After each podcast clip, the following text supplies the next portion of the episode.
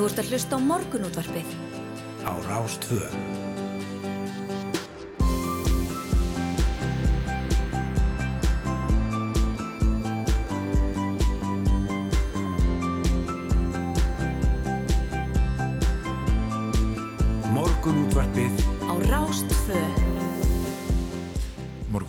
Býður, góðan dag, 5. daginn 19.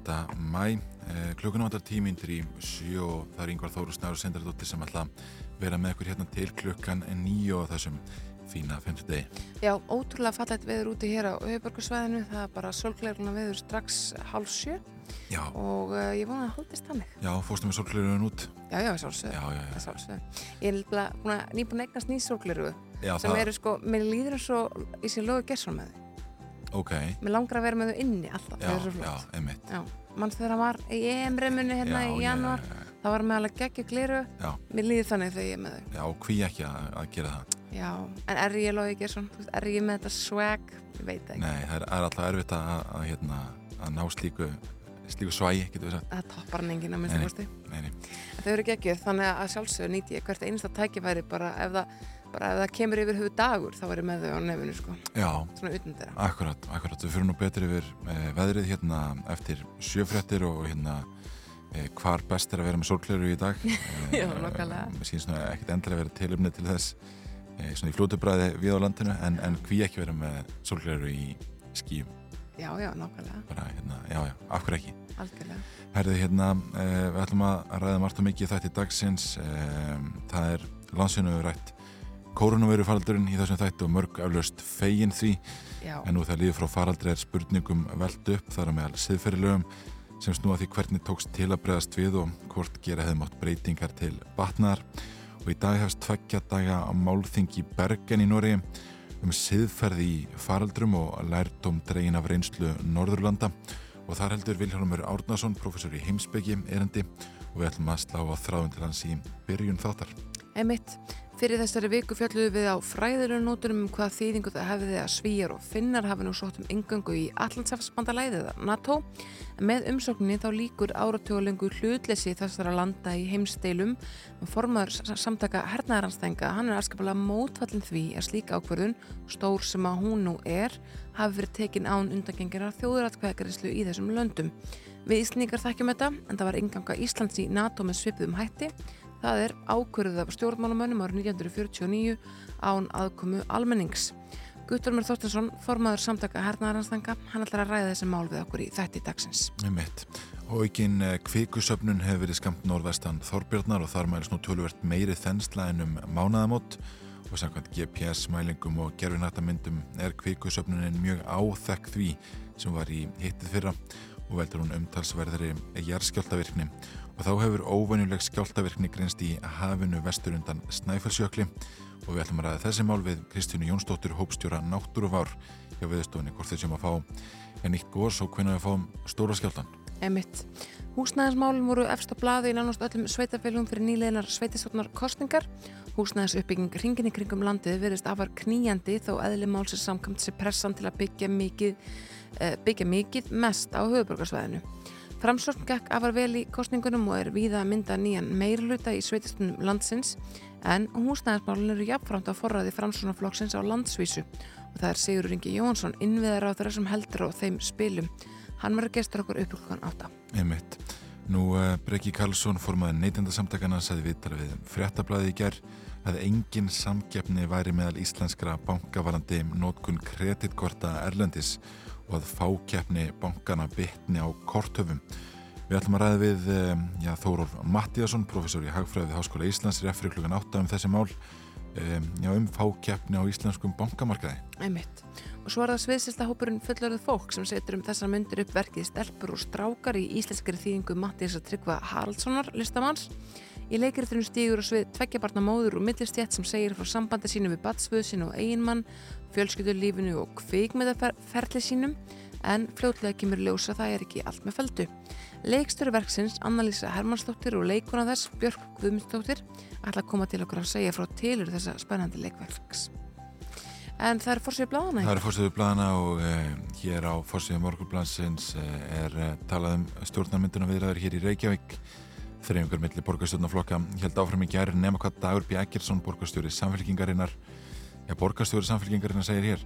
Um, hann er náttúrulega borgarstjóri og, og, og átvitið samfélkingar, getur satt um, hann hefur ekki Hann er líka vandara borgarstjóri allra borgarbúa. Já, einmitt, og, og samfélkingar fólks Já, já. en hann hefur ekki tekið símana frá Hildi Bjóstóttur átvitað sástæðismanna segir um, hér í morgunblæðinu og þeir flokkar eiga það þó samilegt að lítast mátulega á að Einar Þorstinsson í framsókn verði borgarstjóri, segir hér. Ég er herbúðum beggja er bent á að rík hefði sér fyrir því og pólitíst eh, hyggilegt að borgarstjóri kom úr stærsta flokknum í meirhluta en málmanna er að stutt sig að einar ger upp hugsin um því hvert hann vilja hefja formlegar meirhluta við, viðræður við. Eh, en svona kostið til meirhluta myndunar eru ekki margir. En þar kann mikið að velta á afstöðu smerri flokkaði er hérna, það eru píratar eh, sem er hérna núna hérna var stórflokkur getur við sagt og, Já, já. og það eru sósalistar og, og VAFG segir hér. Emmitt. Uh, ég las eitthvað frétt í gær þar sem að var haft eftir uh, hildi eitthvað þá veru að, að við blaðmenn ættum að þekkja það vel að það sé erfitt að ná að borgarstjóra. Já, uh, og það svona kannski, já, skýri akkur það hefði gengið erfilega að ná í hann eða hún hefði ekki já það þannig eitthvað slíkt, þetta var svona þetta, var- ég, ég sá að það var að veikja hans aðtekla þessum ummælum á samfélagsmiðlum. Uh, Forrátanlegt, Mjög svo, það verður áhvert að kannski fylgjast þannig með bara þessum að gera svo við blaðmenn og hafa samband að aðstofa mannunars fyrst Já, já, Nei, það á ekki vera þannig þegar maður er að vinna saman. En hér á fórsíu fréttablasins þá er talað um skort á sérfræðingum sem að hamli vexti hjá hugverkafyrirtækjum hér á landi. En sviðstjóri hjá samtökum yðnaðarins segir gríðarlega tækifæri fólkinu því að liðka fyrir komu erlendra sérfræðinga til landsins. Fyrirtæki í hugverka yðnaði séu þegar farin að færa starfsemi sína úr landi vegna þess hvað erfitt reynist að ráða sérfræðinga. Og þetta er hugverkafyrirtæki Kontroland sem sér fram á að færa hluta kjartastarfseminar úr landi vegna skorts á sérfræðingum Starfsfólki fyrirtækisins hafa fjölgaður 50 í 370 á síðustu tveimur árum en það er Sigriði Móhansson sviðstjóri hjá samtökum yðnaðarins sem segist að heyra stíkar sögur nær daglega frá fyrirtækjum í hugverkað yðnaði. Nokkur fyrirtæki hafi nú þegar fært sig út til Evrópu á sömu ástæðum og þau hafa verið að reyna að vekja aðtekli stjórnvalda á stöðunni þetta sé að gerast aðskaplega hratt um þessar myndir. Þetta er luxusvandamál og tækifæri en staðrandir sé svo við erum auðvitað í alþjóðlegri samkeppni um hæfileikaríkt fólk og til að standa undir öflugu atvinnulífi þá verði að bræðast rætt við og liðka fyrir komu erlendra sérfræðinga til landsins. Það sé greiðilega brynt efnahagsmál. Og yngvar, við hefum svo sem aðeins verið að fjalla um þetta hér í þessum þætti og, og erum hverkin er að hægt í þeim. Uh, það eru auðvitað ekki bara erlendi sérfræðingar í, í þessum geira sem að vantar. Það vantar fólk í, í sko, ferðarþjónustuna, það vantar fólk á barina og í veitingageiran og svo vantar þetta fólk til að byggja allir þessu hús sem við ætlum að ræða við Sigur Inga á eftir. já, já, einmitt. Þannig að það er eh, já, mikið verkefni framöndan þar. Við erum Eh, einfallega að fá til að halda okkur uppi, þetta er alveg merkilegt. Já, við þurfum að fjölga okkur, það er bara þannig. Herðu, uh, hér inn í morgunblæðinu er uh, rætt um þessar hröðu þenslu undir Þorbirni og það er nú kannski lítið að bæta við það sem ég nefndi hér áðan en þó það að, að vegna óvissustiks almannavarna þá er búið til íbúafundar í Íþrútahúsin í Grindavík klukkan hálf átta í kvöld. Jó. þar á að ræða málinn og, uh, og svona einhverjar viðbrags áallanir vantilega eins og Grindvíkingar þekkjam orðið vel. Já, þetta er ekki fyrsti íbúafundurinn í Grindavík sem er haldin vegna óralegans þar í kring. Neini, einmitt En uh, nú liður því að við fáum að heyra sjöfrættir frá fréttastofu Ríkisútarsins. Þau hafa ímislegt að segja um atbyrði næturinnar og morgunsins og svo komum við hér að verðum spori með uh, tónlist og uh, já, ansi mikið áhugaverðu efni. Já, veður og færð Já, við erum Já, farið auðvitað. hvar við um að setja upp sólglerun Já, hvar sem er. En fyrst uh, smá skilabúð. Þú ert að hlusta á morgunútvarpið. á Rástvö.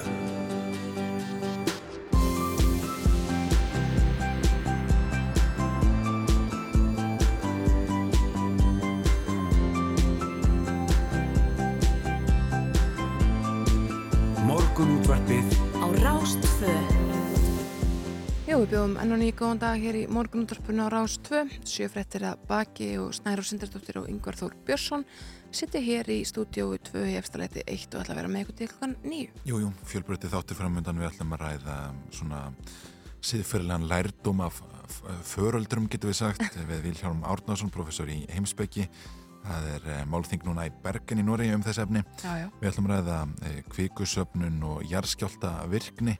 Við ætlum að ræða fákjefna á íslenskum bankamarkaði, húsnæðismálin við eh, innviðar á þeirra, NATO, aðild, Svíjá, Finna og eh, sviðslistahópin fulluri fólk. Emitt sem setja nú um þess að myndur upp verkið stelpur og strákar í íslenskar þýðingu. En það er veðrið. Það var dásvöld veður hér á höfbrukarsvæðinu þegar við fórum út í morgun. Það er spurning hvað veðurfræðingurinn segir hjá Veðurstofu Íslands. Það verður austanátt 5-13 í dag, rigning í allan dag á suðausturlandin annars skúrir, engum síðdeis og þurft að kalla norðan til. Hiti 6-15 stig og svalast á austfjörðum og ef við skoðum hér kortið í, ég vil skoða setnipartskortið. Já, Ja, nei, það lítur best út svona á milli 12 og 6, já, setnipartin, kannski já. tvöleitið, þá verða uh, 12 gráður hér í Reykjavík og 7 metrar á sekundu léttskíð, það verður svona léttskíð uh, víða hér á vestur hermingi landsins, alveg bara uh, sérstaklega á vestfjörðum og Blöndósi og Akureyri uh, og já, ansi heitt en uh, það, já, það er samt rigning í stíksólmi og rigning hér á Suðausturlandi eins og var nefnt aðan. Það er alltaf gaman að sjá sko, hversu langt er gengið í hulöðingu veðurfræðings. Eh, ofti talað um einhverja líkur í veðurfræðinu og svona þannig bara rigning í allan dag. Já, bara það tekið fram að það er allir dagurinn undir. Eh, sem er svo sem bara ágætt að vita. Já, eh, og, og hressandi í, í þessum hitta sem við erum að fá þessa dagana. Einmitt. Það léttar eins og er verulega til með kvöldinu og hér ekkert mann um svona tíuleitið þetta að vera alveg heiðskýrt á Hólmavík og Stikkisólmi sem að, þó fengur nú eitthvað skúrir í dag og akkur eru sem við leiðis hiti um 11 gráður í kvöld og, og 3-4 metrar á sekundu. Ég myndi að segja þetta sé svona fullkomi veður fyrir kvöldgöngutúr. Já, nákvæmlega.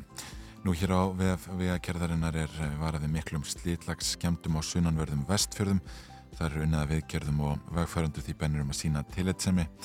Það er unnið að viðhaldi á vegauxlum og slítlægi á kleifaheiði. Það eru umfyrarhraði ég lækkaðar á köplum og maður búist til lítilsáttar umfyrra töfum. Aki með gát, segir hér uh, á vegakerðarinnar.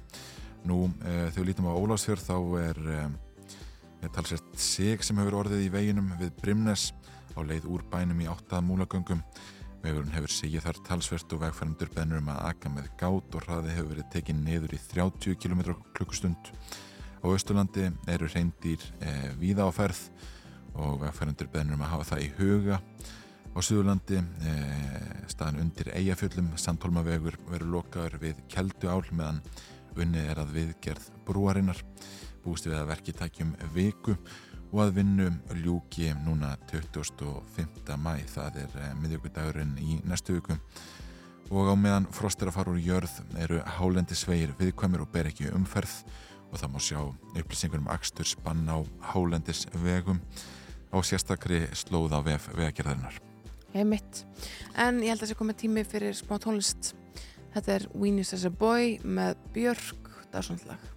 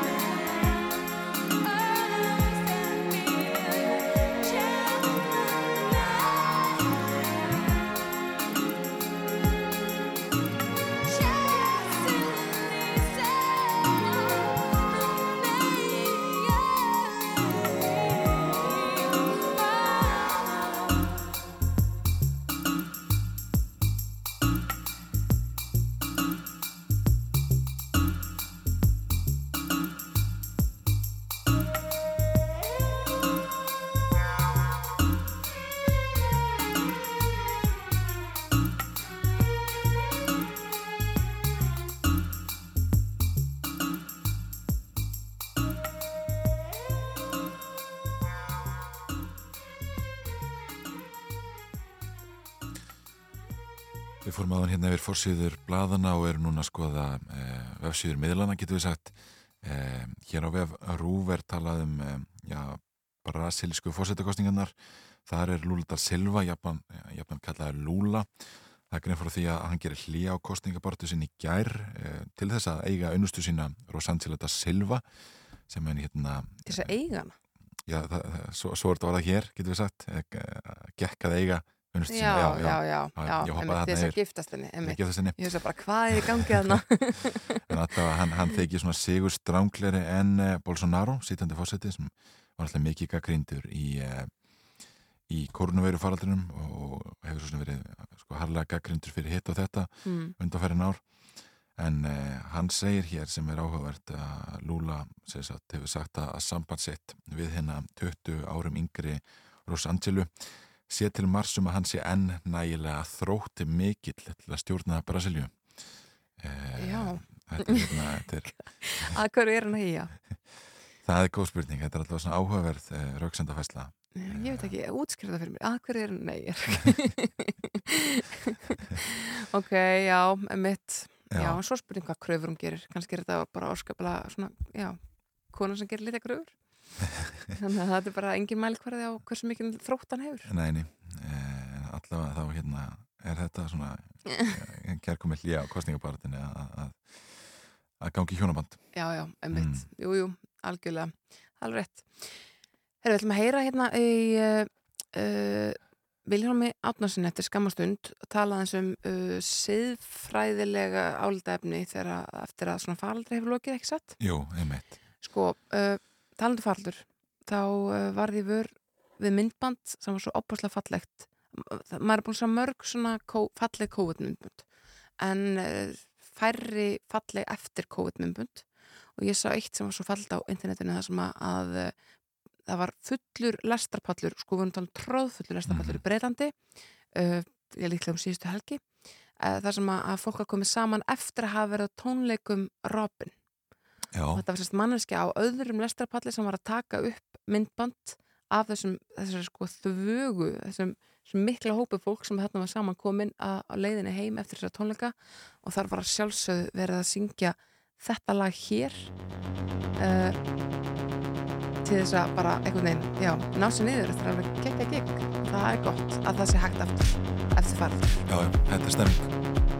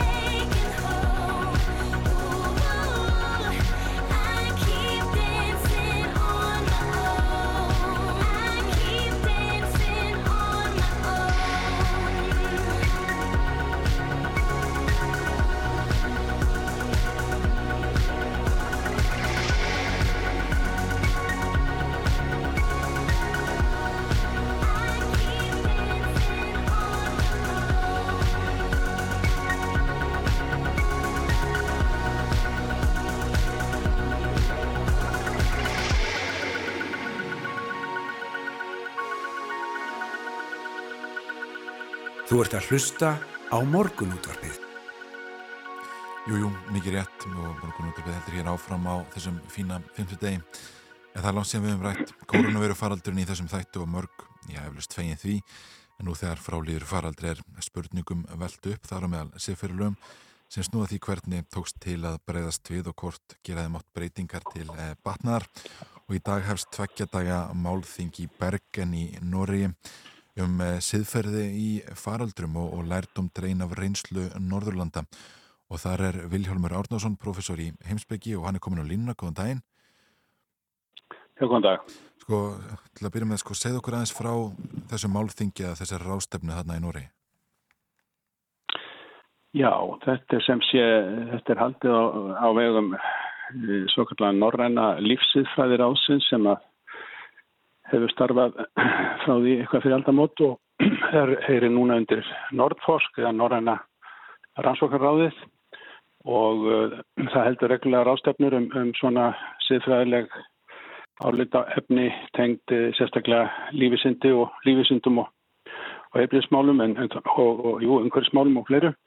Og, uh, og þeir halda núna, voru reyndar með ekki dósipa sem sé röð vef málstofa núna á síðasta ári, þar sem að eitt frá hverju landi hjælt erendi og það voru viðbröfið því og það var þá í faraldurinu miðjum eins og maður segja. Mm. En nú er sama fólki komið aftur hingað og ætlar, ætlar hver og einn að, að ræða sem sé horfa svolítið á, á reynsluna faraldurinnum og, og meta lærdómana Já. af honum.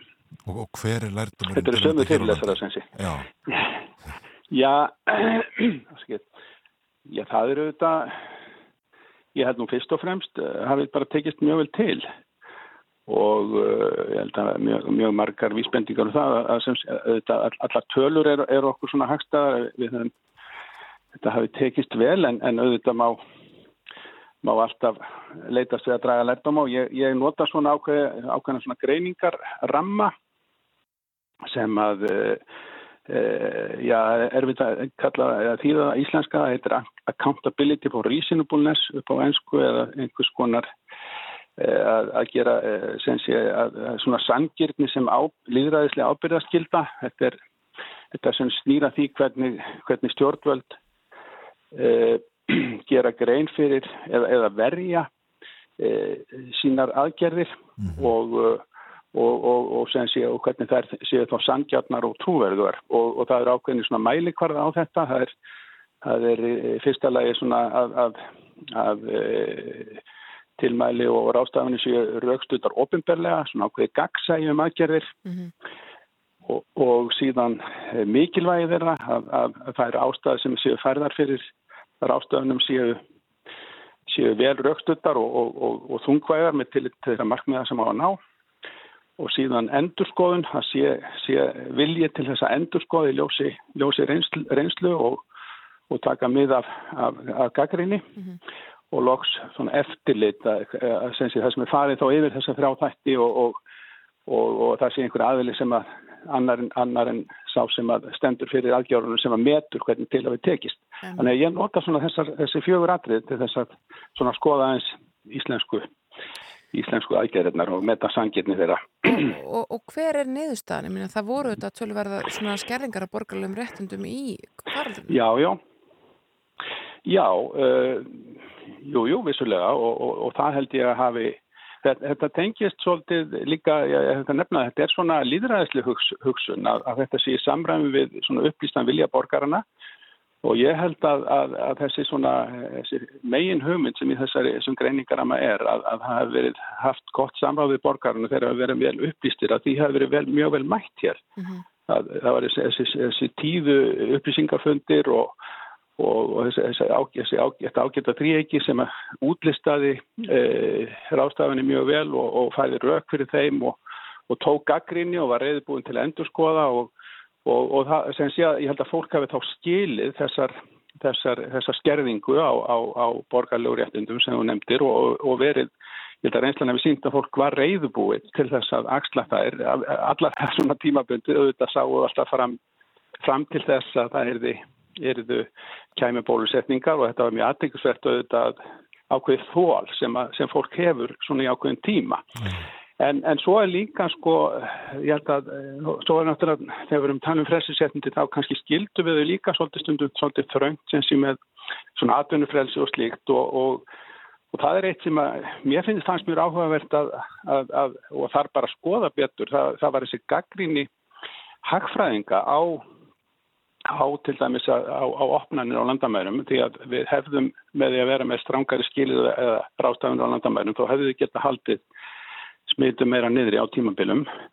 Og þá voru hagfræðingar sem færðu, fannst mér mjög samfændur auk fyrir því að, að, að það væri einfallega sko efnaðarslega betra að, að, að, að hafa, hafa minni smitt í landinu. Og, og, og mér fannst þessi rauk ekki ná nægilega vel í gegn og kannski ekki nægilega mikið gag- gagnsæi kannski um þær, um þær rauksemtur sem væru fyrir tilslökunum á köflum og það auðvitað stýr þá um hvort að hérna hafi verið svona mikill tristingur sérhagsmuna að auðvitað vor, vor, var ferðarþjónustan hérna mjög ósátt. En á móti kemur auðvitað frelsið, við mögum ekki gleyma því að frel, það er líka frelsið fólkið því að vera frjáls undan til dæmis eins og börn og, og sko, nefnendur frjáls undan sóttkví og smiti til þess að stunda sitt nám. Það er auðvitað gríðarlega mikilvægt frelsi og, og mikill mikli framtíðar hagsmunir í húfi þar. Já, en Þannig að það, þetta er svona, maður þarf að skoða þetta samhengi, sko, það er, frelsið er ekkit, ekki bara á einu sviði, heldur mjög mörgum fleirum. já, já. En, en þannig er fulltrú líka frá sko, hinum Norðurlöndunum uh, hvernig er svona að horfa þau yfir farin veg, hvað þetta vorar?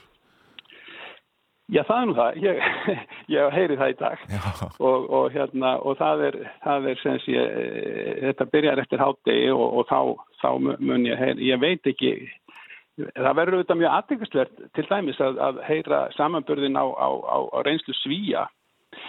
Eh, Ég held að þetta sé mörgulegt mjög, mjög sambærlegt eins og hérlendis og í Noregi en, en svíjar voru auðvitað með, með aðra leið og, og uh, þar held ég að verði, að mér finnst það svona mest spennandi að vita hvernig, hvernig þeirra reynsla rýmar við, við okkar Einmitt. og uh, En hvað með En, önnur eh, Evropaland? Minna núna, sko, var Spáni leiðið hálsa fyrir að loka í sjö vikur og bara börnum haldið inni öllum nema, öllum nema gæludýrum, einhvern veginn, þú veist, það var virkaði af, afskaplega svona íþingjandi, til dæmis. já, já, þess vegna held ég að sko, það er mjög erfitt að ég tek þann kost að ræða þess, þessi atriði bara mjög með tilliti til íslenska aðstæðan, maður þarf að þekkja aðstæðan í hverju landi og og til dæmis Spátn er greinilega með allt, allt aðrar aðstæður heldur en við. Við erum að mörgu í kjör aðstæðum á Íslandi, í, í, í, á eigu með, með eina eða tvær innkomu leiðir í landi sem er mjög auðvelt að hafa eftirlit með og, og, og, og svo náttúrulega skipta líka mjög miklu máli bara félagslegar og efnagslegar aðstæður og, og, og það finnst mér vera vera kannski einn aðal lærdómur um það hvernig við getum gert betur. Það er ekki endilega að, að það er eiginlega sangirnin, það er að segja að, að, að, að nú held ég að við höfum staðið okkurna vel í þessum faraldri eða, þeir sem að fyrir, fyrir að, aðgerðunum stóðu vegna mjög eh, vandara viðbrasáætlana og nú held ég að þurfi að til þess að búa okkur til næstu, næstu faraldra því að þeir muni eflust koma að þá þurfum við að, að hafa svona fjölga röddunum, fjölga sérstaklega kannski röddum hérna varnarlausu þeirra sem minnst megasínu samfélaginu fatlaðra og, og aldraðra og, og fátækra og innflytjenda sem að sem að það þarf að taka held ég meira tillit til stöðu þessara hópa og heyra þeirra eigin rættir um það hvernig þeir upplifu þessar, þessar ástafanir. Því að við höfum tilnefningu til að taka svona heildasín á þetta, svona heildalvelferðin og, og að meðaltali kemur þetta allt mjög vel út en svo eru kannski jaðarhópar sem að fara miklu verð út, út úr og, og það, það, það held ég að við þurfum virkilega að skoða og, og það gerum við með því að heyra þeirra eigin rættir. já. Einmitt, ég held að þetta verður verið ágætt loka orð Viljálmur Árnarsson, professor í heimsbyggi, takk fyrir að ræðið okkur frá Nóri. Takk að kjalla fyrir. Bless. Já, það eru sannlega forhaldinlegar uh, vangaveltur sem að þarna koma til með að fara fram. Já, já, eflust maður sem við þarf að skoða í kjölfar svona faraldur og hérna, þegar margt hefur gengið á og réttindi okkar verið skert Mhm. á einn náttið annan.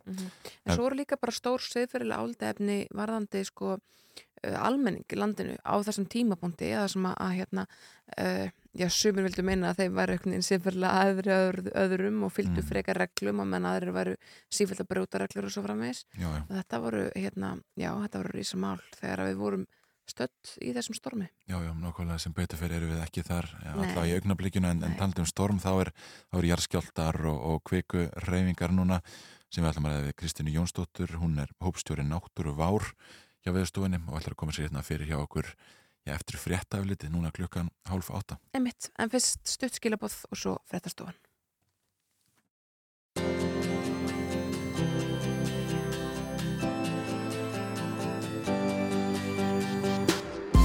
ert að hlusta á morgunútvarpið Á Rástvö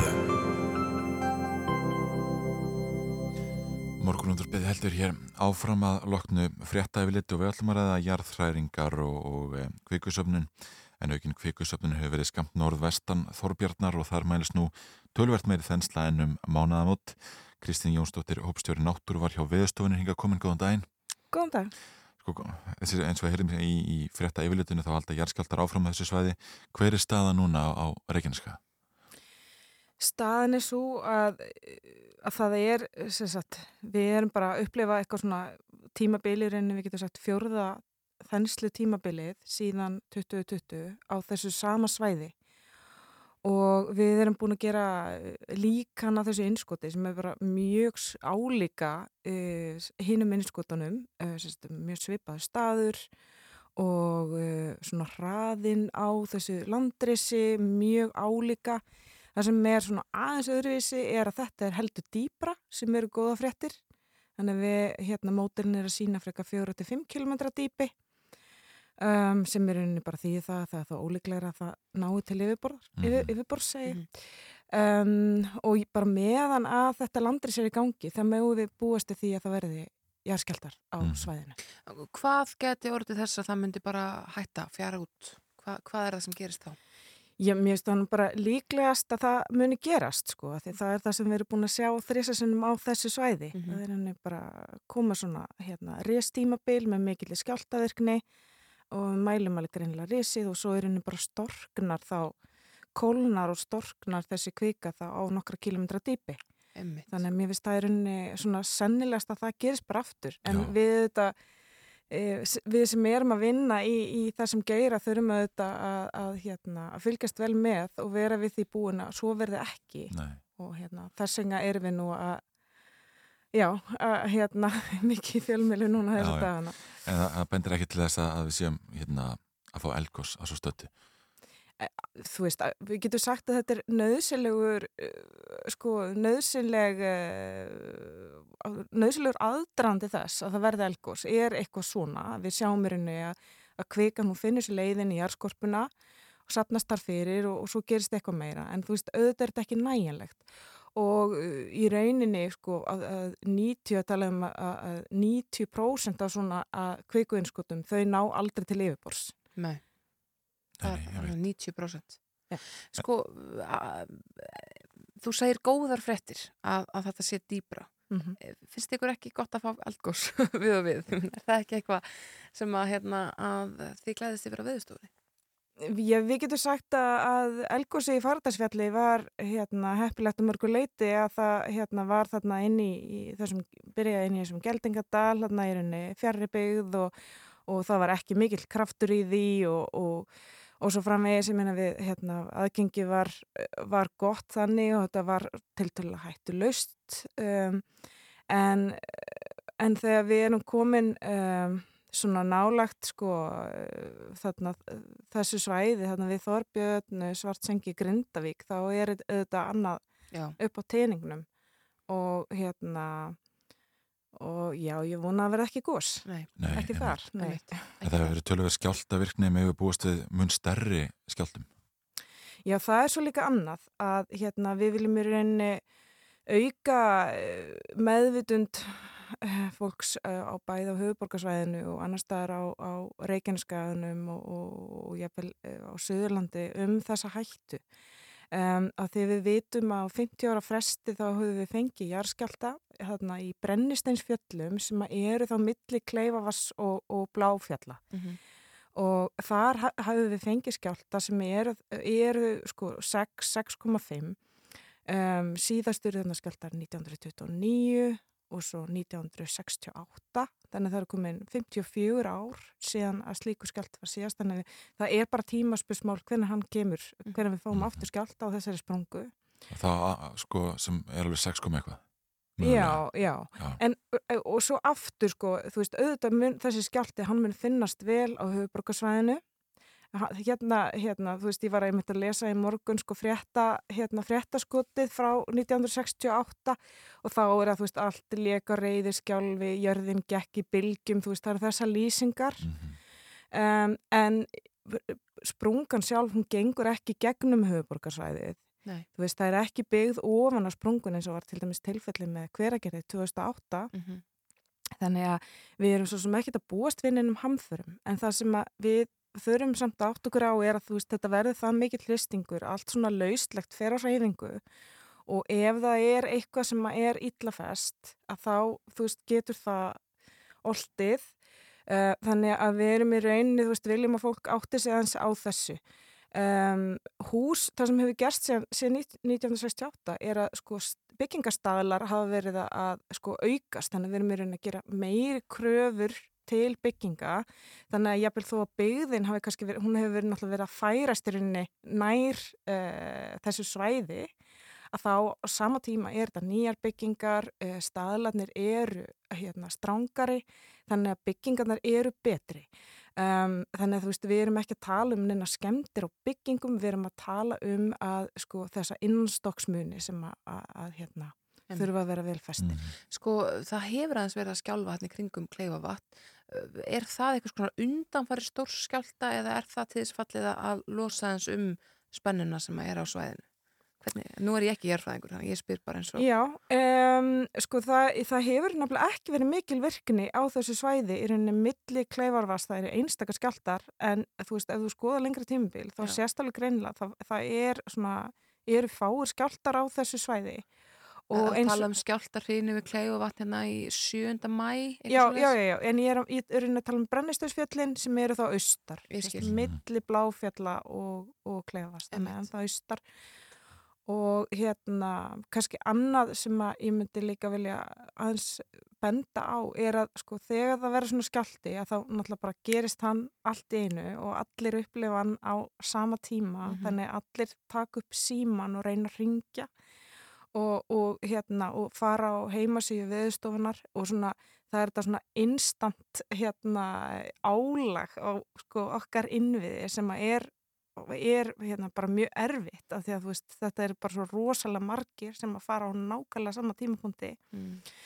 og hérna ég held að fólk þurfi kannski líka þess að, búast í því að það, veist, það verði kannski erfitt að ringja og hérna og þú veist það er ágætt að ræða þessi mál og, og hérna og ræða þú veist að fólk bara tala eins um þetta af því að það er rauninni það sem við erum að gera. Við viljum að hérna auka í rauninni hérna awareness eins og maður segir já, já, já. En, sko Reykjaneska er eitt en síðan er líka einhver skjáltavirkna þarna í sko hafinu vestur undan Snæfellsjökli og það er svona nokkuð óvinnulegt Já, einmitt, að hérna við runni, loksins voru settir upp mælar hérna á, við Snæfellsjökul og, og uh, þó að hafi ekki mikið gerst þar á hérna síðustu þúsund ár að þá er þetta samt uh, auðvitað svæði sem við viljum líka vakta og hérna Uh, og það er þegar þessi mælar er settur upp 2020 um leið og setur upp svona net að þá fer að sjá litlu skjáltana og þarna mælum við fyrsta skjálta, þetta er litli skjáltar en þetta er auðvitað áhugavert að við mælum við fyrsta skipti skjáltavirkni á þessum stað sem við hefum ekki séð hana áður. Og það er rauninni ekkit alveg augljóst hvernig á að tólkana þegar við rauninni vitum ekkit um neina sprungur eða, eða neina eldstöð á þessum stað. Nei, þannig að, já, þannig að það að- áhugavert. gert. Já, Já, virkilega áhugavert. En uh, þetta, þessi svona stóri skjálti sem að þið eruð að undirbúa almenning fyrir að gæti komið, sko, meðalstóri skjálti meðalstóri, ok, hérna, sko, verður einhver aðdrandað honum, að gæti hann komið núna. Hann gæti komið núna. Það, hérna, ég held að við getum því bara því miður um, eiginlega ekki gert ráð fyrir að fá um neitt skýran aðdraðanda. Jarskjaldar er bara þess aðlis að þeir bara koma þegar þeir koma. Já, það er engin svona eitthvað svona smáskjald að virkna undan. eða Það er alveg hugsanlegt Já. En, en, hérna, en það er eitthvað sem við bara verðum að, að, sjá. sem- Já, einmitt. Kristín Jónsdóttir, hópstjóri Náttúru var hjá veðstofunni. Takk fyrir að kíkja til okkar í morgunúttarpið. Takk, takk. No need to apologize. Cause there's nothing to regret. Well, this is not what I wanted. Guess all the good things come to an end. So, baby, bye bye. Wish you the best. But most of all, I wish that I could love you less. Well, maybe you're right. I'll find someone else. You say it isn't me, but when did that ever help? Hold me closer, although you leave before the sunrise.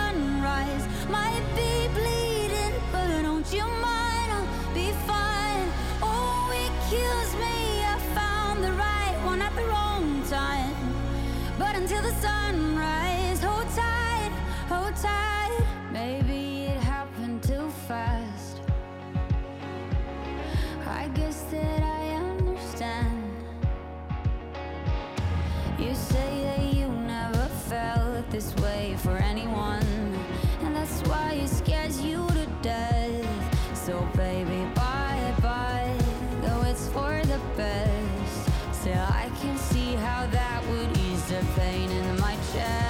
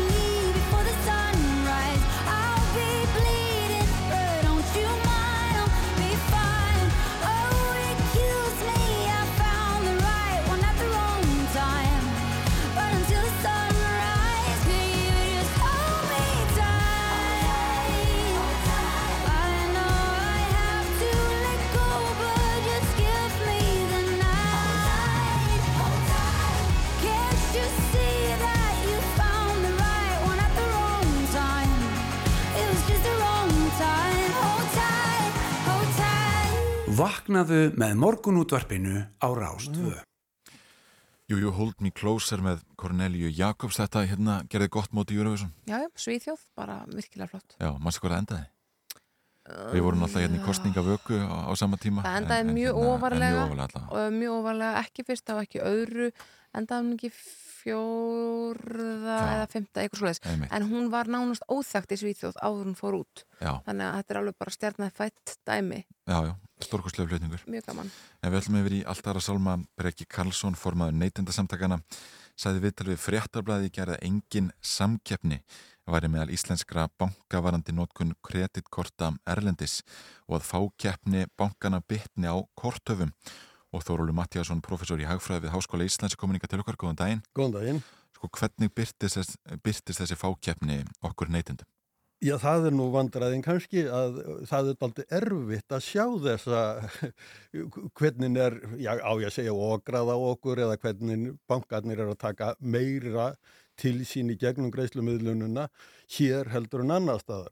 Vegna þess að mikið af þessum gjöldum eru falin, það var dreigið fram gengismunurinn á milli sem sagt kaup og sölu gengis og það er hægt að velta þessu svolítið yfir því, en það er ekki staðist í kostnaðurinn.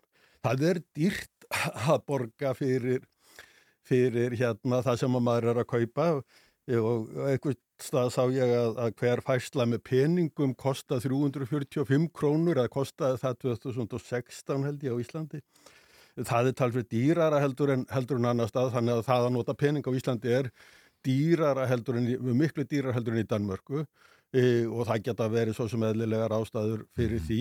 En, en, en, en það sem að kannski breki var svona meira að tala um það voru þessi fæslugjöld uh, og ekki bara fæslugjöld heldur kostnaðurinn í kringum uh, kredit og debitkortin.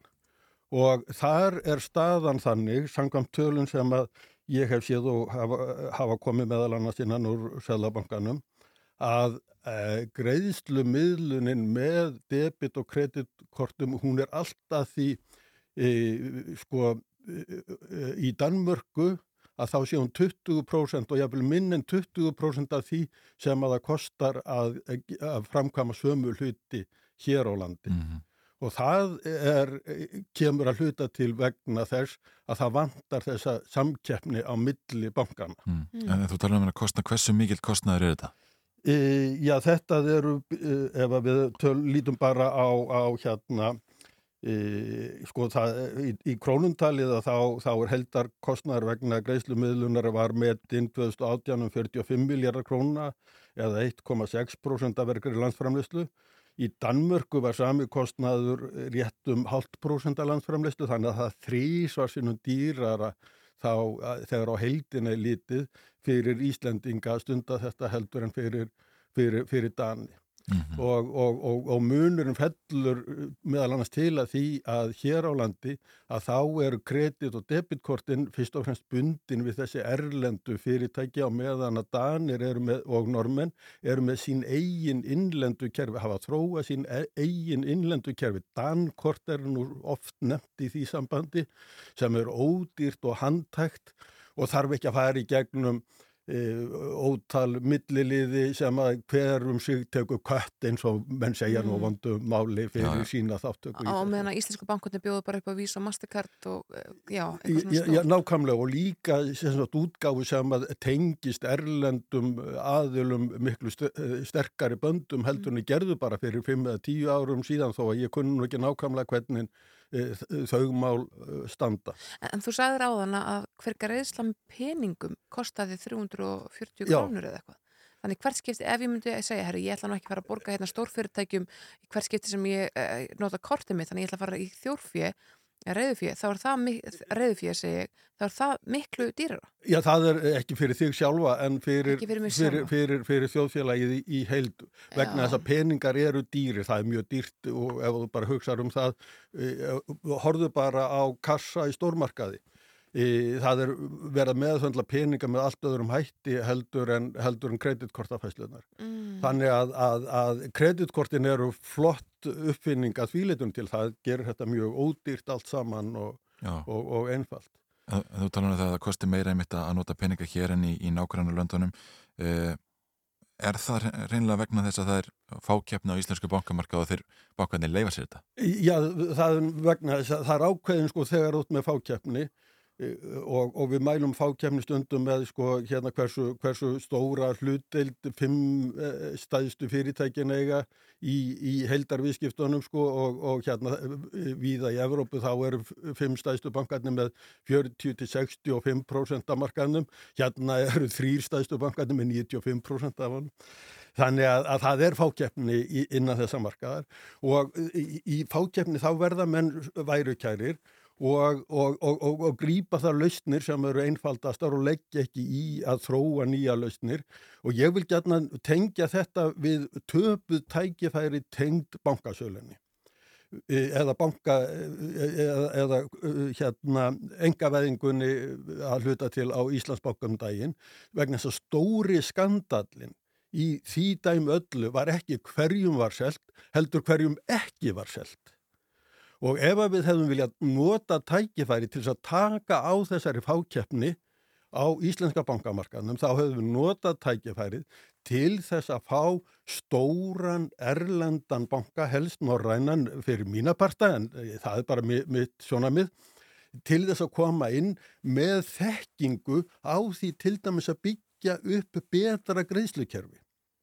Þetta, og, og ég hefði, mér hefði fundist alveg sjálfsagt að gefa stóran afslátt fyrir slíkan banka ef hann hefði viljað koma inn.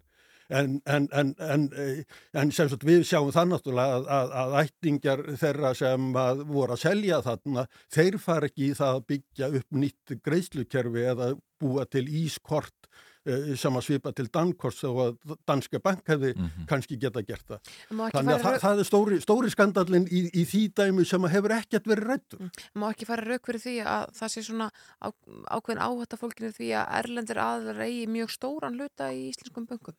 Það er engin hægt á því að, stór, að, að, að erlendir aðilar eigi stóra hluti í íslensku bungu. Við sjáum hvernig staðan er þar og þó að við hefðum hleyft einum inn þar inn að litlu leiti, þá hefði það ekki, þá hefði það bara verið til hagspóta fyrir íslenska neytendur. Það er engin a- ef um það í mínum huga.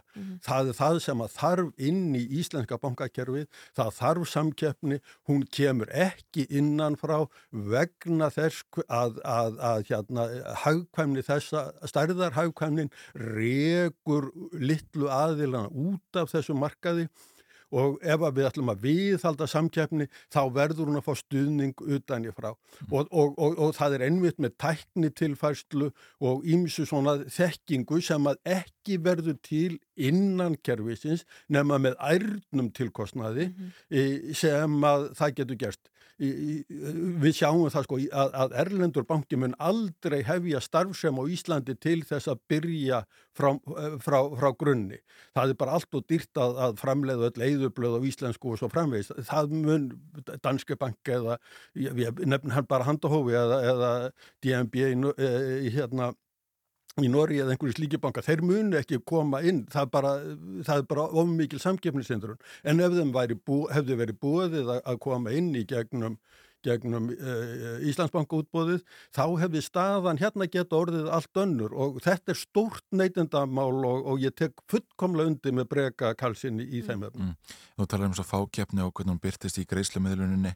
Eh, eru aðrar byrtingamyndir myndir eh, þessar, eh, sko, eins og þú talar um, um fákjefni, eh, kemur þetta eh, fram í, í eh, lánakjörum öðru slíku? Það kemur að sjálfsögðu fram í, í, í lánakjörum uh, og, og þeirri þjónustu sem er í bóði þeirri hérna fram, því frambóði af próduktum sem að e- eru í, í bóði fyrir íslenska neytendur og íslensk fyrirtæki. Í, það er eðli þeirra sem að ráða markanum að gera hlutina í ára eins og í fyrra vegna þess að það er búið að sína sig að það gengur mjög vel. Það er engin, eh, engin, engin óþarfa tilruna mennska, það er tilruna mennska en það, en það er engin óþarfa tilruna mennska í gangi. Og, og það er ekki lögð áhersla á að keppa í verðum heldur í einhverju svona, eh, já, eh, í eina tíð voru bankarnir að gefa hérna sparibauka og, og, og, og, vönduð veski og, annað þess áttar Þa, það er samkefni fer yfir í það form og það er ekki það sem skiptir máli það sem skiptir máli er, er, er, er, er, er 0,1% á, á húsnæðislega okkar já. Og eina leiðin í þínum huga er að fá hérna inn erlendan aðala með ykkur mætti. Já, ég sé ekki neitt annað og ég hef búin að hugsa um þetta í, í, í áratugji og, og ég sé ekki að, að, að við fáum alvöru samkeppna á íslenskum eh, bankamarkaði nema með því að, að Erlendur banki komi hérna inn með sinn Einhver svona kosko áhrif þá. eða? Já, já að, að hluta til eh, að, að, að, þá verða hinnir að, finna upp á einhverju og, og, og, og taka samkeppnina alvarlega. Það hafa þeir ekki þurft að gera. Nei, einmitt. Þetta er ágætt Lokaður Þólur Mattíasson, professor í Hagfræði við Háskóli Íslands. Takk fyrir að kíkja til okkar í morgunúðarpið og ræða þessi mál. Já, og uh, það styttist í áttafréttir og hér svo eftir skamastund þá ætlum við að ræða við Sigurðinga Jóhansson innviðar á þeirra. Já, húsnæðismáli voru svona efst á blað í nánast öllum sveitarfélögum fyrir uh, þessa nýliðinu sveitarstjórnar kostningar.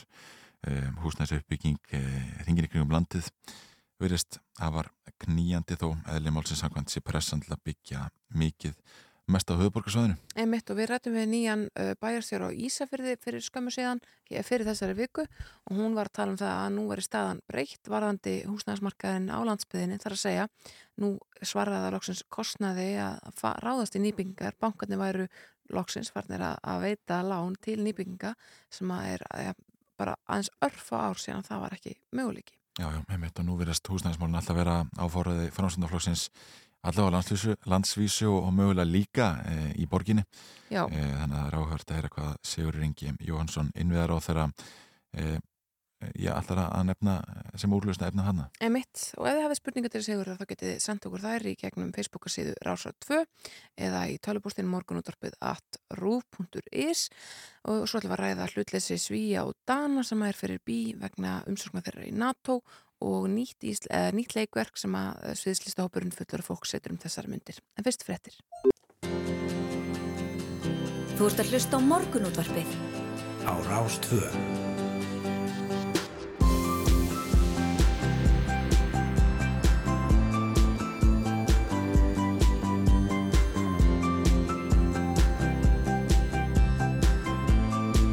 Morgunútvarpið á Rástvö.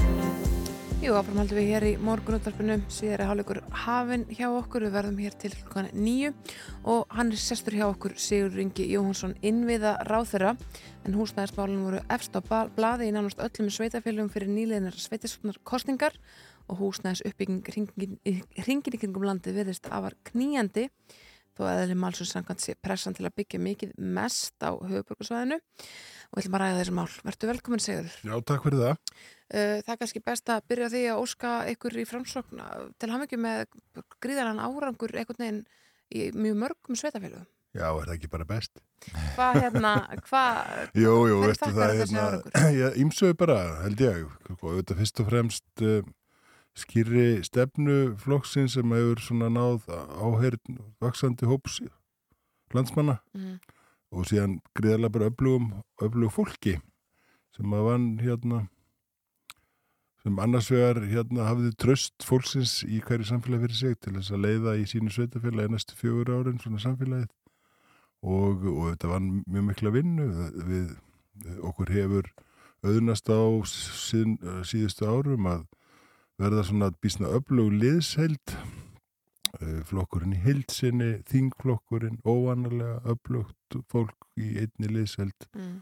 Og uh, mér finnst þetta að vera að fara að smita inn í flokkinum allt land þannig að liðsheildirnar verða til á hverjum stað en svo upplifur þau sem hluta af enn stærri liðsheild og það er nú bara þannig og við þekkjum þannig sérstaklega úr, úr hérna boltaíþróttunum að, að ef allir eru með í liðinu að þá gengur bísna vel sko. Já, einmitt. Þú talar um skýrastefnu framstöðnar, það getur nú að fara svo að eh, já, þið farið með húsnæðismálinn bæði á landsvísu og í borginni. Hver er skýrastefna framstöðnarflósins þar? Já, hún er mjög skýr. Eh, Það er sem sagt, við í, í framsókn hefum bara sagt eh, að þið augljósu er að það þarf fjölbreyttara úrval af, af bæði lóðum sem hægt sé að byggja þar alveg fjölbreyttara úrval af íbúðum og við þurfum að hafa nægilegar upplýsingar til þess að hérna, geta tekið þær stefnumarkandi ákvarðanir sem að þarf að taka og þetta helgast auðvitað af því að við erum búin að vera að vinna í þessum húsnæðismálum núna á, á liðnum árum.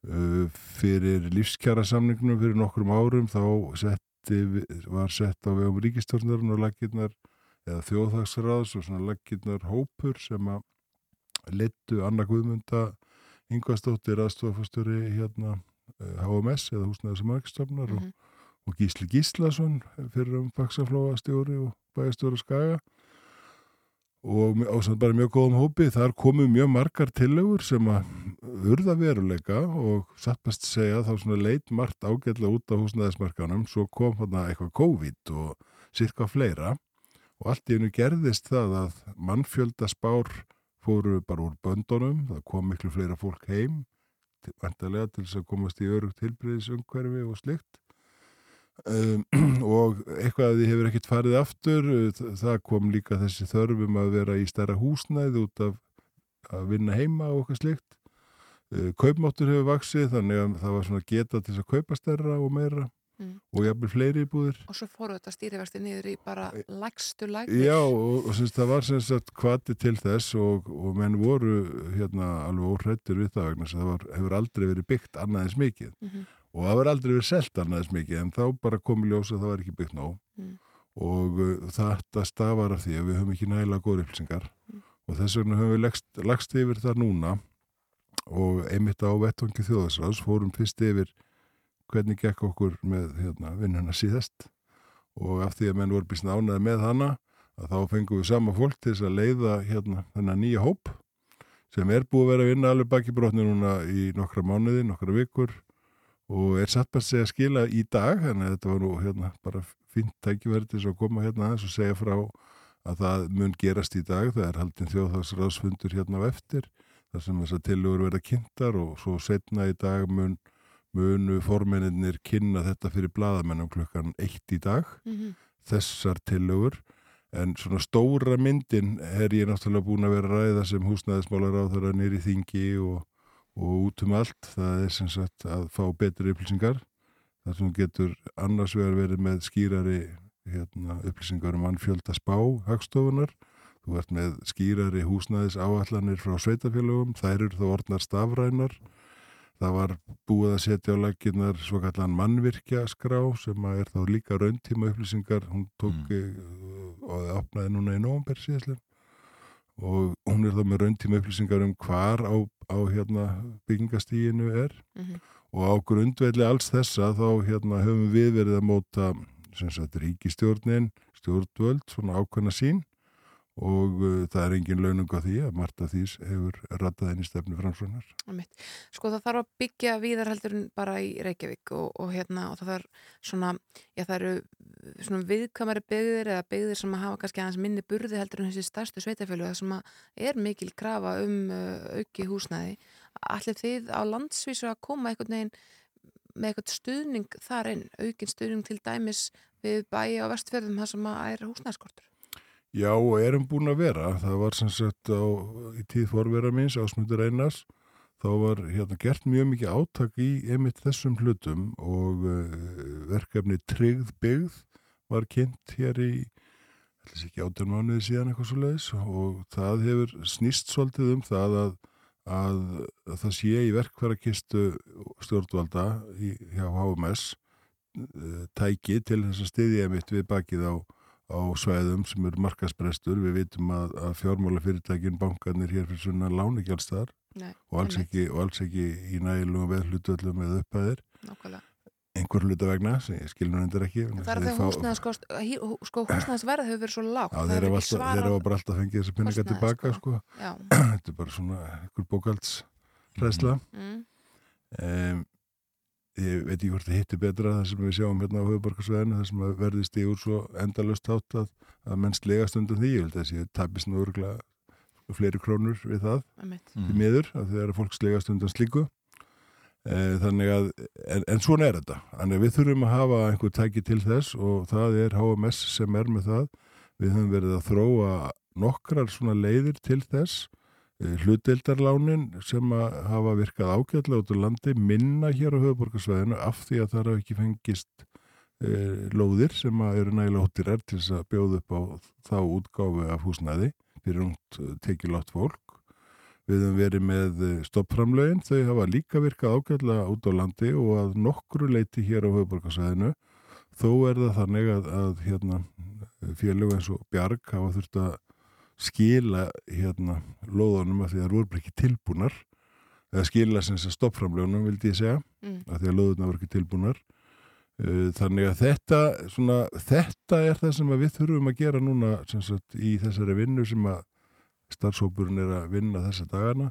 Það er að fá gleggri upplýsingar um nákvæmlega fjölda lóða hjá hverju einstöku sveitafélagi á þessu ári, næsta ári á byggingar hafi stíi við þurfum að, að samrýma þetta við húsnæðisáallinar og mannfjöldaspá.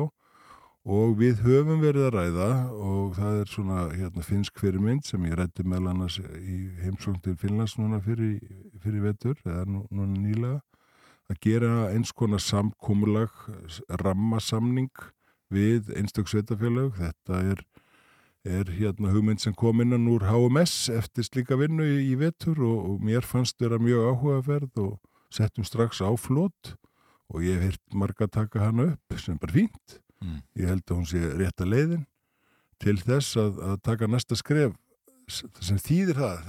Og nú ætlum ég að reyna að tala svolítið skýrar ég er búin að vera hérna, að tala alltaf lengi og, en ekki bara nógu hérna kössum með vanta verkfræðingin yfir þennan morgunin en sérst, þetta er þannig að við þurfum bara reynlega að setjast niður og vita þessi spá er um mannfjölda það þýðir að við þurfum að byggja svona mikið íbúðum og það eru sennilega 4.000 á ári næstu 5 árin, Já. 20.000 íbúðir á öllu landinu næstu fimm árin. Já. Mm. og það þýðir að það eru alltaf 3.000 uh, hérna í Reykjavík eða í það minnst á höfuborgarsvæðinu rúmlega það svona miða Já. við hérna bara þetta En það hafa verið og, byggðar og til ríflega þess, að, þúsund þetta- á til þess ári. að þetta sé hægt Mhm. þá verða að vera til lóðir og þær verða að vera fjölbreyttum hátt svo við getum byggt félagslegar íbúðir svo við getum byggt íbúðir í almannakerfinu í hlutveldarkerfinu uh, leigulóðir fyrir óhagnaðadrifin félög etc. etc. Mm. og þetta þurfum við að sjá yfir allt landið þá erum við komið með plan sem svarar til næstu fimm ára eins konar aðgerra áallun og húsnæðis áallun sem er rýma við það í haust til 15 ára um það hvernig við sjáum til lengri tíma uh, markaðin þróast. Leifum ekki markaðinu bara að gera eitthvað eins og við höfum kannski gert og mikið hinga til, heldur komum með sín stjórnvalda á hvernig við getum haft áhrif á að hann sé Mm. í jafnvægi, því að það er líkilatrið. Já, já, einmitt, þú tala mikið hérna um upplýsingar uh, uh, orð Gunnarsmára Egilssonar uh, um að, að þú blessir okrið á leigumarkaði að sleiði upp í fyrirsveitna á, á vísi í gær og, og þar talar hann einmitt um það að, að og gaggrínir það að það sé alltaf þessi málflutningu stjórnvalda að vandin sé skortur á upplýsingum. Það sé ekki verið að gera neitt, það er alltaf verið að kalla eftir skýslum, það er verið að kalla eftir einhverjum nefndarhópum og öðru slíku. Það er ekki bara sko að við fáum þessa mánuðalegu útættir frá HMS til að mynda það er ekki bara að byrja. Jú, ef það eru réttar og þú getur spáð fyrir hvað gerist næsta mánuð og 12 mánuð og 14 mánuð og 24 vegna þess að það tekur bísna langa tíma að byggja. Það er auðvitað ekkit nýtt að þeir sem tala sko með háværum hætti og slá fram alls konar hérna, ekki segja svona bum bum bum fyrirsögnum að þeir komist í fyrirsagnir hjá ykkur fjölmjölavennu. Það er ekki nýtt. Spurningin er bara hvað er á bakveða. Uh, væri nú ekki gott ef að menn hefðu til dæmis ákveði fyrir nokkrum árum að safna öllum réttum upplýsingum á legumarkaði. Mm. Þannig að við vissum það núna. Þannig að núna gætu við verið að taka stefnumarkandi ákvarðanir í stað þess að núna er ég mitt með frumvarp í þinginu og það var nú svo svo uppsprettan af, af þessari hérna, Jú, jú. fyr- En er ekki framsókn búin að vera nánast óslitið í stjórn síðan 2013? Uh, Við erum búin að vera nánast ósleitið í stjórn síðan 2013 en, og höfum verið að vinna að þessum málum allan tíman. Uh, Við tryggðum uh, lagagrunnin fyrir allar þessar breytingar á fyrsta kjörtiðabilinu. Við fórum að þróa alls konar hluti eins og hluteldarlán og tryggðu byggðina og áframhalda út að, semst að semja um, við, um stoppframlegin við til dæmis aðalega vinnumarkarins og þetta leit býstna vel út hann á 2019-20 Mm. svo kom COVID og kifti svolítið fótónum undan okkur og þá kemur í ljós að við verðum að hafa betri og það var svo sem alltaf vita við þurftum að hafa betri upplýsingar þess vegna var verið að vinna í mannverkjaskráni Mhm. þess vegna er ég núna að vinna í því að færa fastegnaskrána yfir til HMS með frumvarpi inn í, inn í þinginu allt í þessu skyni að, að hérna, vera með nýjar upplýsingar, vera með stafrænar upplýsingar og ég get ekki ímynda með að Gunnar Smárið að nokkur sé á móti því mm. það er svo allt annað mál En það er ekki að grípa bara frekar inn í marka það, er svo alltaf, það er svo alltaf mál hvort að menn vilja að það sé tekið stærri skref, skref sko hér og nú. Já. Ég vil bara segja, og það er mjög skýrt, ef við ekki fyrst að fá þessa skýsluðu starfsópsins, hún kemur í dag, ef við ekki að sapna þessum upplýsingum, svo við getum tekið réttar ákvarðanir. Mm. Af, það er mjög afdreifaríkt að taka rángar ákvarðanir á húsnæðismarkaði. Þú segir 20.000 íbúður á næstu 5 árum sko, miljandólar spurningin eru þetta þess að segurður, ég meina skortur okkur ekki mannafl til þess að ráðast í slíka uppbyggingu og ef svo er, við ætlum að fara að flytja inn fullt af fólki til þess að- manna þetta, Þarf þá ekki það þá ekki að búa eitthvað staðar. Jú, jú, og þetta er, hefur verið hugsað í þessum tillögum sem að, hérna, er að koma í dag. Já. Eh, Það er vitað að bæði í byggingagerunum og mörgum öðrum gerum þá munum, munum við þurfa fleira fólk Mhm. og uh, þess vegna er hérna manna, mannfjöldaspáin svo að, að það muni fjölga meir heldur en heldur en hinn svona líðfræðilega þróun myndi segja til. Það er verið að gera ráð fyrir því sem sagt, að okkur þarf að fjölga, við þurfum að fá sérfræðinga, við þurfum að fá fleira fólki að færa þjónustuna. Öllum, öllum sviðum. Öllum sviðum. Okay. Sigur Ingi Jónsson, innveðar á þræm, takk kærlega fyrir komuna í morgunúttarpið. Takk kærlega.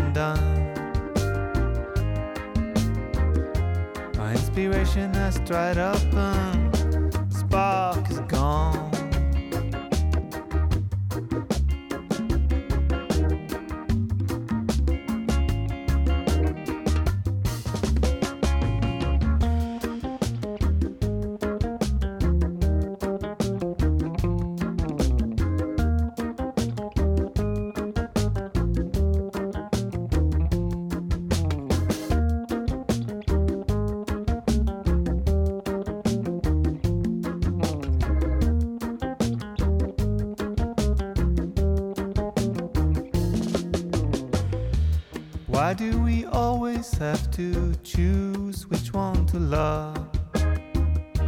Why was the love I only gave never enough? Jealousy is killing all the fun. Bubbling over for wanting to love someone.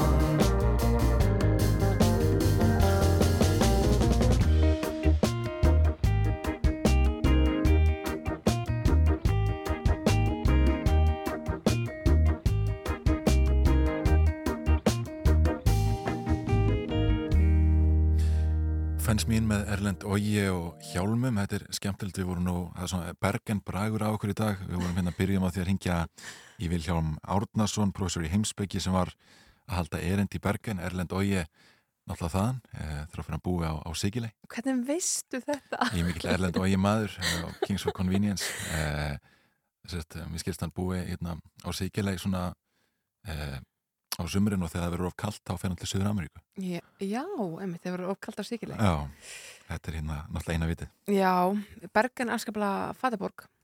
Afskaplega falleg, já, Gríðarlega falleg, já. Þannig að hérna, og eins og bara mjög margt í Noregi, gríðarlega falleg landslæðar og Já. ég farið til Lillehammer einsunni. Já. Mér fannst það æði, það var pílið svo að koma til Akureyrar nema, uh, nema fallara. nei, nei, það var mjög, hérna, það var bara einstaklega fallegt og svona í haustlitunum. Gaman að sjá uh, stökkpallin, skíðastökkpallin sem að er yfir bænum.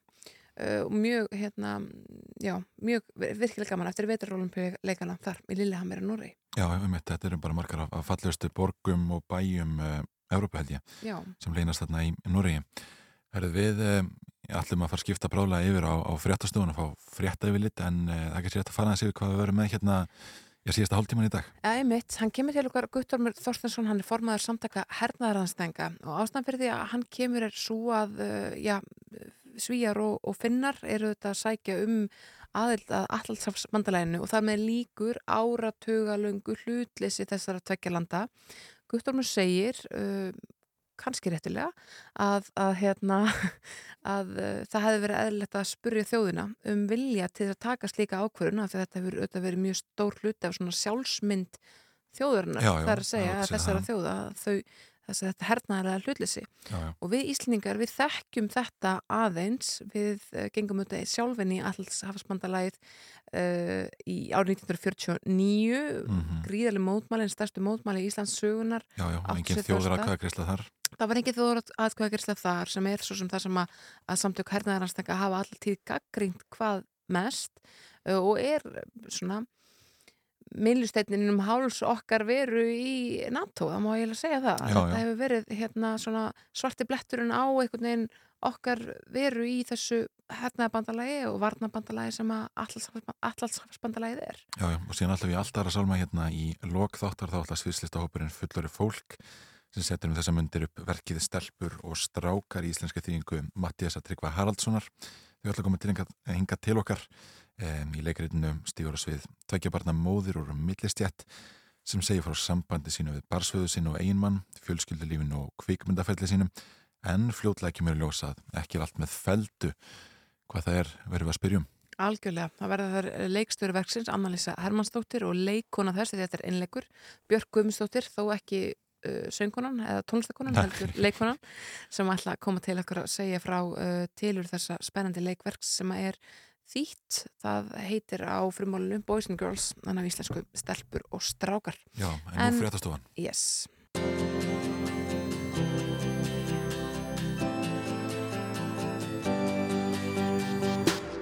Þú ert að hlusta á morgunútvarpið á Rástvö.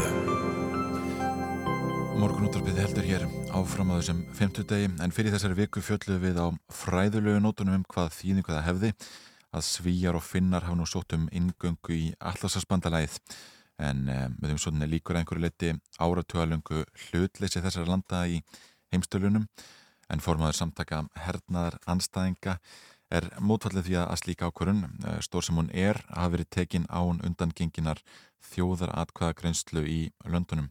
Og hann er komin ykkar til okkar, Guttormur Þorsteinsson, formaður samtaka hernaðar anstæðinga, góðan daginn. Góðan dag. Sko, er þetta ákvörðun sem að er, ég meni, það líkur ljóst fyrir að það þarf að taka þessa ákvörðun til til að rætti þessum löndum ekki satt.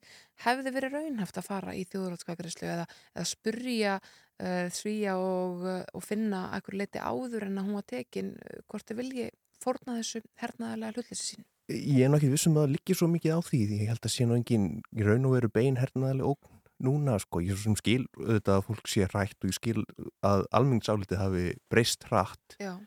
En mér finnst þetta svolítið benda til þess að það sé svona pólitíkusar og það er ákveðin svona pólitísku og svona hernaðarlega kannski elita í þessum löndum sem hefur haft ná, nána samfunni við NATO í gegnum árin.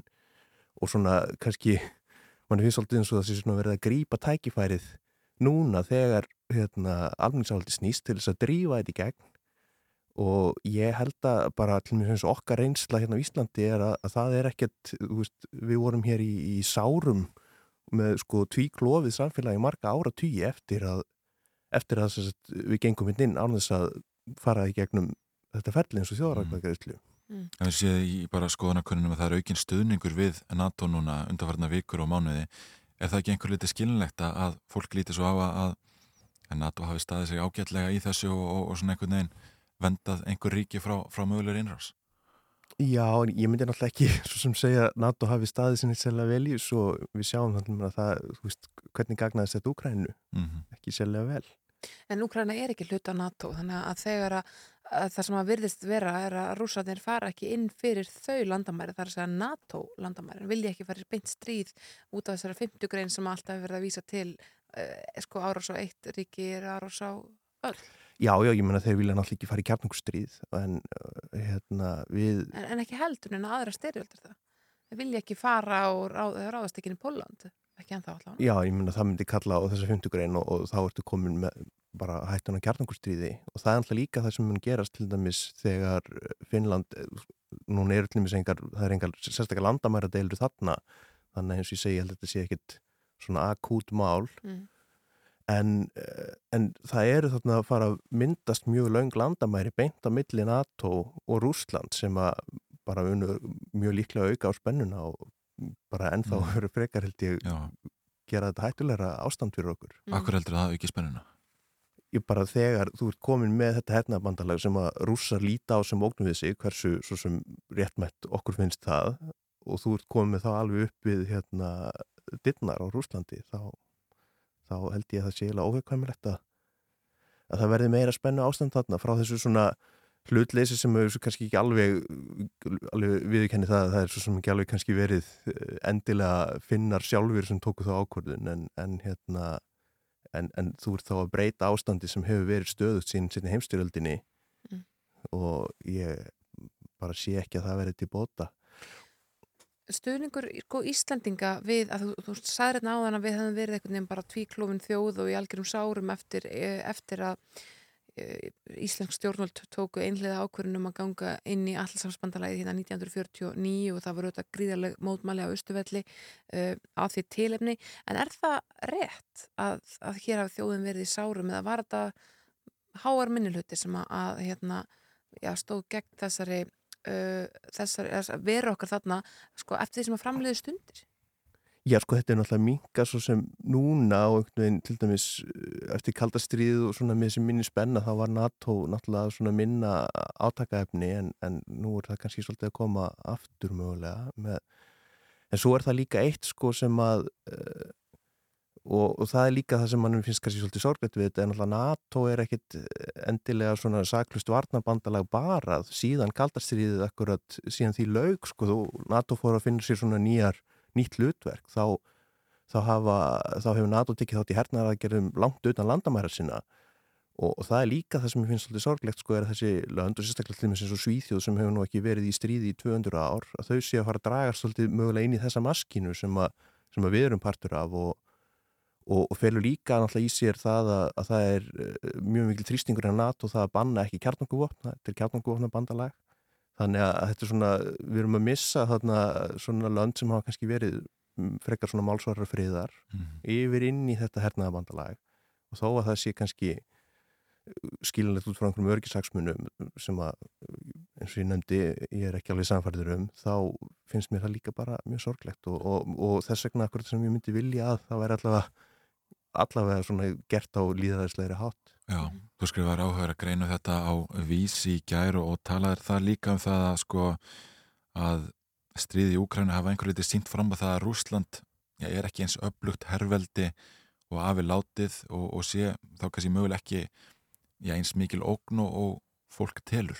Já, ég meina, ég held að til dæmis meðal sko rússar eru í vandraðum í Úkrænu þá væri ósmanns æði að, að þeir að fara að færa áfram stríði við sko Norðurland sem að þeir eiga engar sérstaklega deilum við sko Mm. þannig að, að, að ég held að þessi og ég meina, Rússland er ég meina, hvað er það með þjóðaframislu og starfi Ítalíu eða eitthvað svoleiði sko, þú veist, þú veist, vissulega hafa öflagan hérna hergagnaðina en, en þeir eru bara svona veldi svona á sínum nánustu landamærum og svo er það kjarnokuvopn en, en ég held að þeir séu engin svona stór hernaðaleg ógn við alla Evrópu eins og til og með sengt um tíma Sovjetiríkjana Mm. En þú verðist telja að þarna hafi einhverjir, einhverjir hérna, stjórnmálumenn bara sætt færis um leið og almenningsáldið í þessum löndum færðist aðeins svona yfir miðjuna í þá átta að það veri stuðningu við NATO. Já, mér finnst það svona soldið lítið át fyrir það. Og Hef, en, en hefði fyrst að kannanir benda til þess að almenningsáldið hafi breyst, hefði þjóðrættkvækrislega breytt ykkur?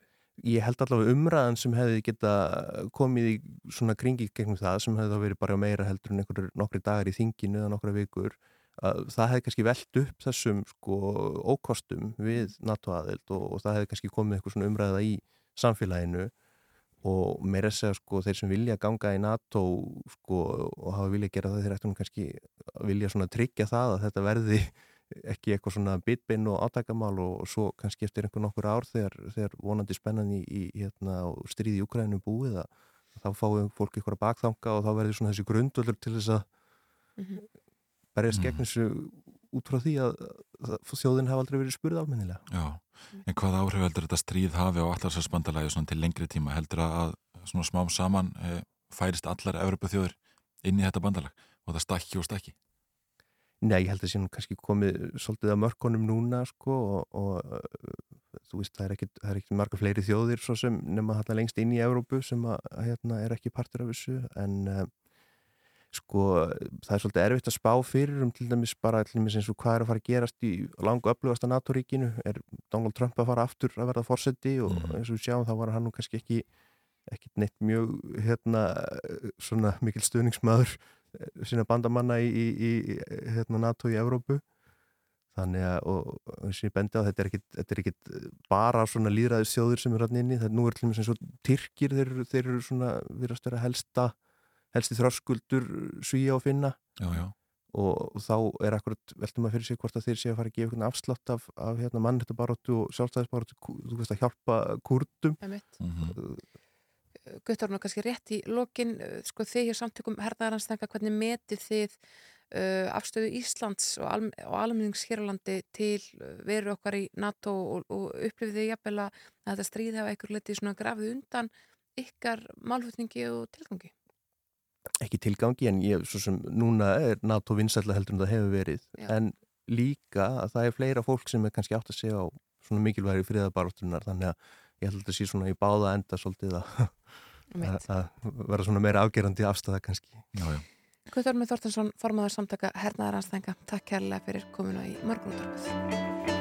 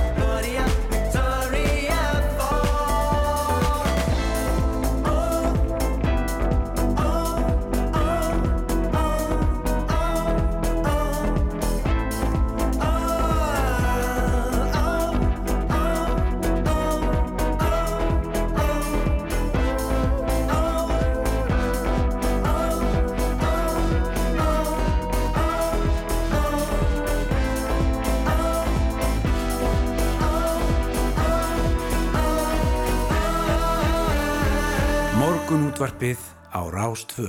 Jú, jú, þið þekkið þetta.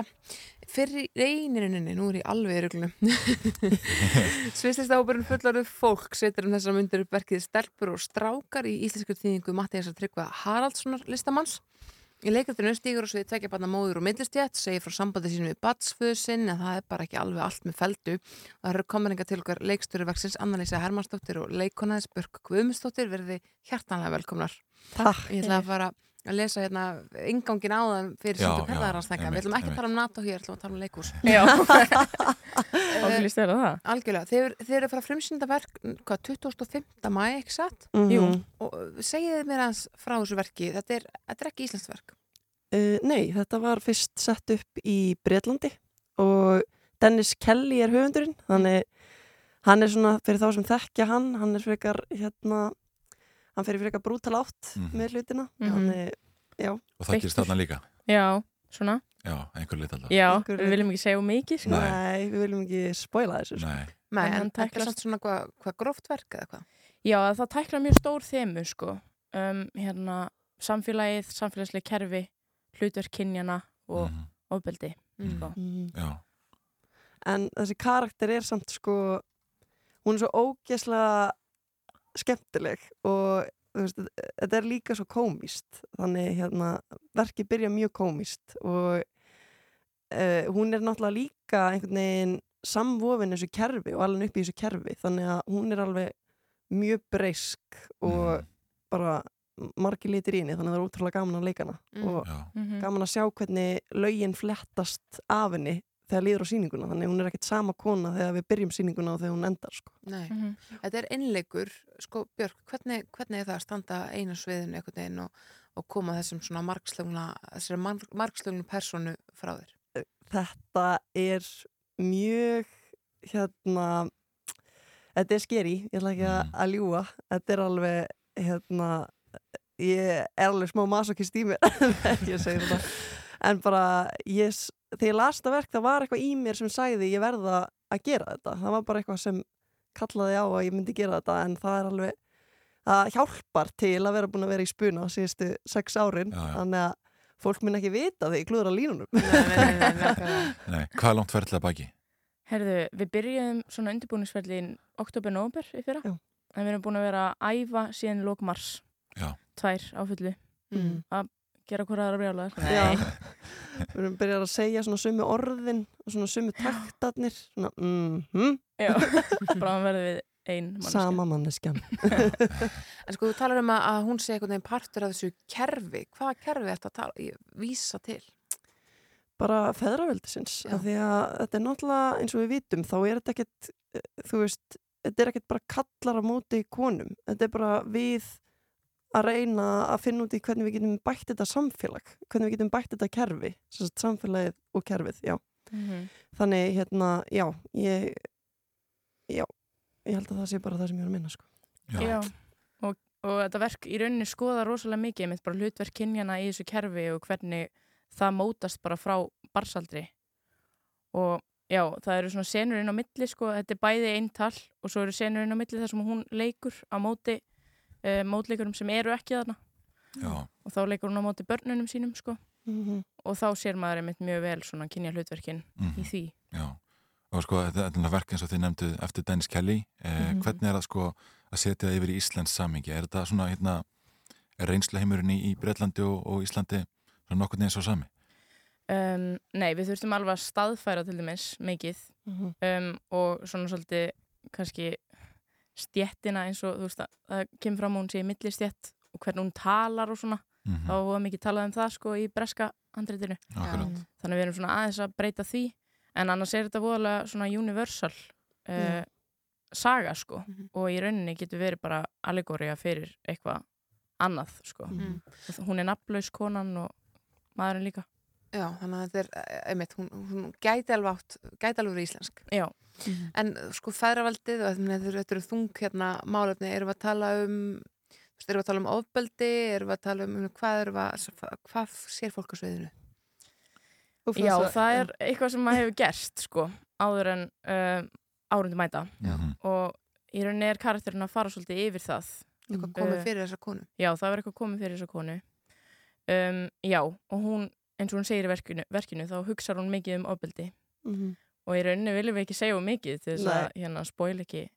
Og líka verkið er skrifað þannig eins og þegar ég las það fyrst, það var ég bara, ég var handviss um í hvaða átt það væri að stefna sko, og svo tekur það nokkrar uppeyjur og svo tekur það rosalega uppeyju hann í lokin sem maður bara brjóst ekki nýtt við. Þannig, þetta er alveg Mhm. ótrúlega gott handrit Já, Einmitt. einmitt. Og það er Mattias Tryggvi Haraldsson sem að þýðir þetta verk, Mhm. Matti Hatari eins og hann stundu kallaðir. Mhm. Sko, er það, var þetta bara spot on? Var þetta hérna handrit sem að, þið fenguð í hendurnar og bara ekki gekk, að það allt gekk upp eftir þessa þýðingu? um, Já, svona Mest að mestu leiti sko, já. já. og var- hann var oft með margar svona mismunandi uh, útgáfur í rauninni af þýðingum af einhverjum orðasamböndum og svo leis sem við svona völdum úr og við erum alveg búin að umorða eitthvað út frá þessum karakter Já. en já, bara, hann gerði þetta mjög vel sko. til dæmis nokkuð blótsirði hjá þessari Já. konu hún blótar frekar mikið Já, hún blótar mikið. ekki fyrir viðkoma, sem þóla ekki blót en þannig að hann kom með nokkrar útgáfur af því sko, þannig að það var ekki Já, já, einmitt. Þú ert náttúrulega í, í improv-hópnum Mhm. uh, og, sér þar á, á hvað miðugundum eða ekki í, í þjóðleikurskjallunarum? Jú, það, Já. eru, það er endar einsýning eftir ég verð ekki með þar af því að það er sama dag og við erum að frumsýna Já, einmitt. 25. mæ Já, en, en hvernig hefur þessi sko, þessi spunni hjálpaðar að, að uh, komast í karakter fyrir þetta hlutverk og, og, og einhvern veginn díla við það að vera með svona krefjandi einleik? Ég held bara að spunin sé bara ótrúlega góðu grunnur. Ég var náttúrulega mjög heppin að vera í spuna áður en ég komst inn í listaháskólan. Þannig eh, á tímapunktinum þegar ég fattaði það small saman hvernig ég gætt nýtt spunan í leiklistina, þá breytist allt fyrir mig. Mhm. Þannig, og líka bara þetta með að geta sett sig í allra kvikinda líki hérna, og því að spunin náttúrulega, þú leikur eitthvað karakter eh, þú veist, eitt kvöld og svo er hann bara farin. Já, já. Þannig að það náttúrulega hjálpar að vera búin að stíga inn í fótspor alls konar karaktera og hérna og því hún gerir það líka, hún er mjög góðu sögumæður, hún er hérna hún leikur fólki sem hún er að tala um líka. Þannig að þetta er svolítið svona lifandi síning þetta er ekki bara uh, kona að tala alveg kjur sko. Þannig- Þetta er ekki TED Talk Nei, stelpbróstrákar í íslenskri þýðingu í Gablara leikursinu 25. mæ Anna-Lísa Hermannsdóttir og Björk Guðmundsdóttir takk kærlega fyrir komuna í morgunútvarpið og uh, við kveðum í dag Já, það er bara komið að því. Eh, Það er þetta nálgst allt okkar efni á rúf.is eh, en við þökkum fyrir okkur í dag. Einmitt, og sjáumst aftur, heyrumst aftur á morgun